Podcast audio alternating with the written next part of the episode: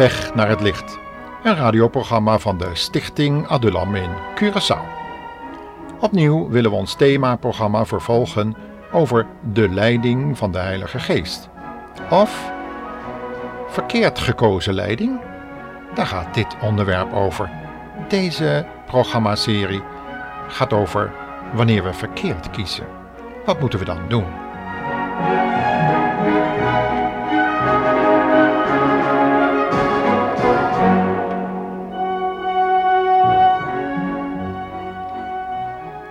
De evangelisatietent was vol mensen die gekomen waren op de indringende uitnodiging van een of andere organisatie die proclameerde dat er wonderen en tekenen in de naam van Jezus zouden gaan gebeuren.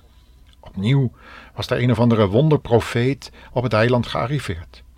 En evenals de Simon de tovenaar, zei hij van zichzelf dat hij wat groots was en daarmee haalde hij het oordeel van God op zijn hals. Niet uw eigen mond zal u prijzen, maar wie de Heere prijst, die is beproefd, heeft Paulus geschreven in de tweede brief aan de Corinthiërs. Laten we eens kijken wat het gevolg was toen Simon de tovenaar, valse profeet, de kracht van de Heilige Geest van God probeerde te bemachtigen, zodat de mensen hem voortdurend als de grote kracht Gods zouden kunnen blijven bewonderen en eren. We lezen daarover in Handelingen 8.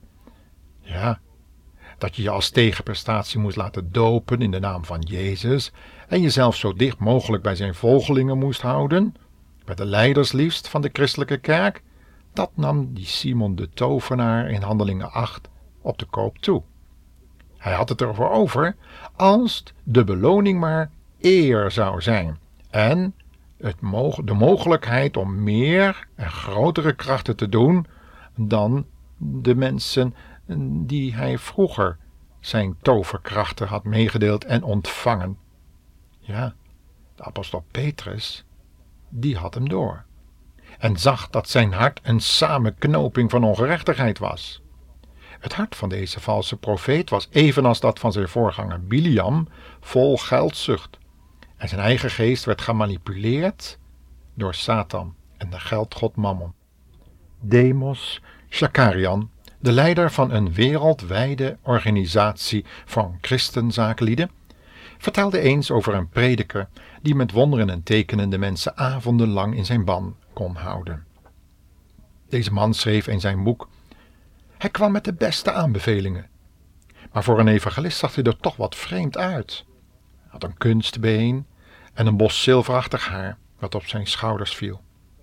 Van het begin af aan kwam het me voor dat hij een wat ongewone belangstelling aan de dag legde voor het collectegeld.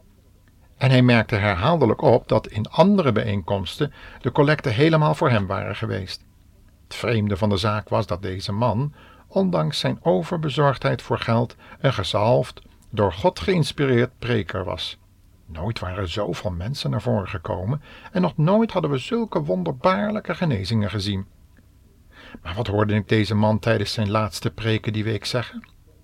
Gods rijkste zegeningen kan hij niet geven als u niet eerst alles hebt gegeven wat u hebt. Maak uw portemonnee leeg, vrienden, zodat hij u met alle hemelse rijkdom mag vervullen. We dachten dat we er goed aan zouden doen om erop te letten dat het collectegeld niet door hem zou meegenomen worden. Maar de man ging tweeënhalf uur lang door met zijn schaamteloos getuigenis over de rijkdommen van God, die vrijkwamen als men eerst zijn portemonnee leegmaakte. Ten slotte had er niemand meer een één dollar op zak en de bijeenkomst werd afgesloten met gebed. Daarna liep hij de afgesloten gespreksruimte binnen waar het geld geteld wordt en eiste dat onder luid protest van de organisatoren voor zichzelf op. Daarna verdween hij in de nacht. Zes jaar later kwam hij mijn kantoor binnen, zei Demos Shakarian. Hij was niet meer te herkennen. Volkomen berooid, mager en ongeschoren kwam hij om geld vragen om naar Detroit te gaan. En drie jaar later hoorden we dat hij overleden was. Dit was de eerste, maar beslist niet de laatste keer dat we een man ontmoeten die een geweldige bediening van God leek te hebben, maar die in zijn persoonlijk leven de chaos van de Satan ervaarde en aan de invloed van alcohol, vrouwen, drugs, of seksuele perversie ten onder was gegaan.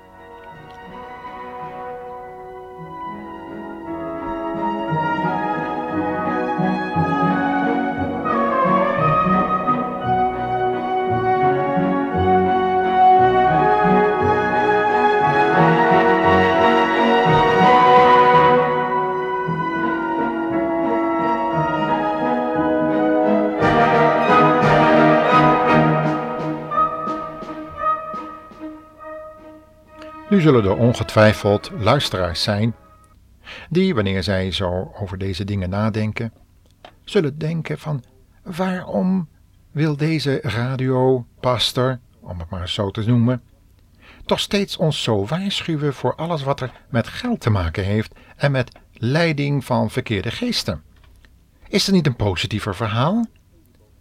Zijn er niet heerlijke evangelieboodschappen waardoor mensen die nog nooit het evangelie hebben gehoord, als die al zijn in deze omstreken, dat die eens een keer zien dat de Heer Jezus gekomen is om verloren mensen te behouden. Kunnen we niet beter over de radio luisteren naar een evangelieboodschap vol van genade en waarheid? Stel nou eens voor dat er iemand is die zich wil bekeren en die niet weet hoe die het moet doen. En dan luistert die op dit moment naar een radio-uitzending over iemand die met geld handelt. Die een preek houdt, die wonderen en tekenen doet, er daarna met het collectegeld vandoor gaat en een verschrikkelijk einde kent. Is dat nou evangelie? Maar als we goed om ons heen zien en met mensen spreken die ooit in de kerk het evangelie hebben gehoord, en dan vragen: waarom gaat u niet meer naar de kerk, mevrouw of meneer of jongeman? Weet u wat we dan horen in het pastoraat? Dat en dat heb ik gezien. Ik heb die prediker gezien met nog een vrouw dan zijn eigen vrouw. Ik heb hem betrapt met daar en daar en met dat en dat artikel. En ik heb gezien dat hij die en die boeken in huis heeft die een prediker niet zou moeten hebben. Ik heb hem bij die en die bijeenkomst gezien, waar je allerlei occulte tekenen en wonderen kan zien. En waar op een verkeerde manier handen worden opgelegd. Ik heb gezien en gehoord welke dingen hij zegt en doet in zijn eigen gezin. Ik heb met zijn vrouw gesproken en die was helemaal niet zo enthousiast over haar echtgenoot. En de kinderen die zijn allemaal ongelovig. Die zeggen alleen maar: Mijn vader, die is alleen op geld uit op eer, succes met zijn zogenaamde gaven. En dan merken we dat die mensen nooit meer naar een kerk willen gaan. Of zoals ik kort geleden hoorde, iemand die was eindelijk ingegaan op een verzoek om een samenkomst van een evangeliebediening bij te wonen. En op het moment aan het einde van die evangeliebediening werd gevraagd of er mensen naar voren wilden komen om de handen op te leggen en om vergeving van zonde te krijgen enzovoort. En de vrouw ging naar voren. Het was een nogal bestudeerde vrouw. Ze ging met de bovenlaag van de maatschappij om. Was wel bekend. Ze gaat naar voren, krijgt de handen opgelegd en slaat achterover en weet dan vanaf dat moment niet meer wat er met haar gebeurt. Oh, ze had een verlichtende ervaring, dat wel. Na de hand hoorde ze toen ze weer bijkwam wat de prediker, zonder dat zij dat had gehoord, tegen de mens had gezegd. Toen ze vroegen waarom ze zo gereageerd had en af en toe zo schreeuwde, had deze prediker gezegd: dat waren allemaal demonen en vanwege haar slechte leven en hij vertelde allerlei dingen die ze juist als een biecht aan deze prediker onder vier ogen gezegd had. Kunt u het voorstellen dat deze vrouw nooit meer naar een christelijke bijeenkomst gaat? Misschien alleen nog naar deze radioprogramma's. Dat is uh, niet zo heel rechtstreeks, dan hoef je de persoon niet te zien en je hoeft niet te weten wie er aan het spreken is. Dan kan je wat onbevooroordeelder luisteren. En dan kunnen zulke mensen die op dit moment luisteren weten dat niet alle christenen het ermee eens zijn wat er in de christelijke kerk gebeurt. Natuurlijk, het gebeurt niet in elke kerk. Maar meestal hebben de mensen die in zo'n bepaalde bijeenkomst afgeknapt zijn, en helemaal verknipt zijn geraakt in hun gedenken, hebben genoeg aan één zo'n bijeenkomst. Maar dan mogen ze weten dat er ook nog andere kerken zijn waar deze dingen niet gebeuren. En waar dat zuivere evangelie gebracht wordt en tegelijkertijd wordt gewaarschuwd tegen de valse geesten die binnendringen. En waarvan de Heer Jezus gezegd hebt: let erop. Als men zegt: ziet hier is de Christus en ziet daar. Of hij is in een binnenkamer ergens, in een mystieke bijeenkomst. Nee. Zeggen de mensen van we zullen Jezus roepen? Kom in, nou, nou, kom in, Jezus. Zo wordt er soms geschreeuwd. En dan komen er allerlei machten en krachten los. Gelooft ze niet. De Heer Jezus heeft gewaarschuwd voor bijeenkomsten waar met gedrevenheid wordt omgegaan. Waar geesten worden geboden om te komen, engelen worden geboden om te komen, Jezus zelf wordt geboden om te komen op het moment dat de prediker het wil. De Heer Jezus heeft gezegd: Als er twee of drie tot mijn naam samen zijn, hoef je niet te vragen of ik kom, dan ben ik er al. Buig dan, dan zal de geest van de Christus, de geest van profetie, aan uw hart, via de prediking, u openbaren wat u aan zonde hebt. En het hoeft niet openlijk en aan iedereen verteld te worden. Dan zal hij door de geest van God u overtuigen van zonde, gerechtigheid en oordeel, terwijl de prediker u misschien nog nooit gezien heeft. En zeker niet tegen iedereen zal zeggen: er is iemand in de zaal die heeft dit en dat en dat en dat en dat gedaan. Laat die naar voren komen. Nee, zo werkt het niet. Onder vier ogen. In een pastoraat. En daarna zwijgen. En menigten van zonden zullen bedekt worden. Zo iemand kan behouden worden. Gelukkig dat er nog kerken zijn waar dat gebeurt. Bid als u teleurgesteld bent in allerlei predikers en in allerlei diensten, of de Heer Jezus u daar wil leiden, door de Heilige Geest, waar de twee of drie tot Zijn naam samenkomen.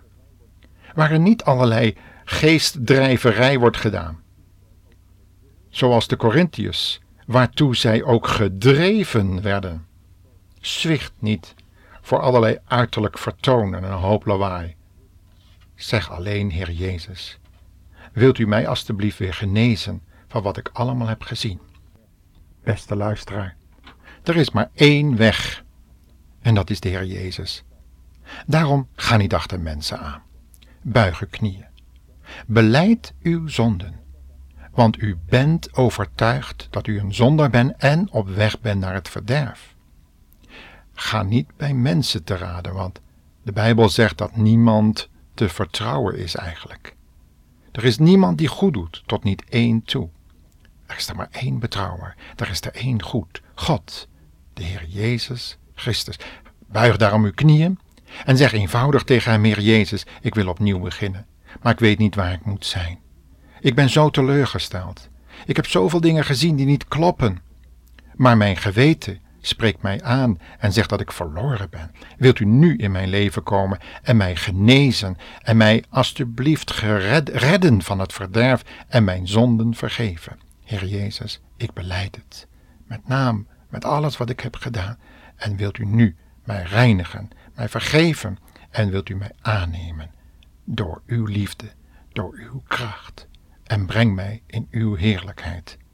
Dank u, Heer Jezus, dat u ook voor mij gestorven bent. Amen. God zegene u en tot de volgende programma's.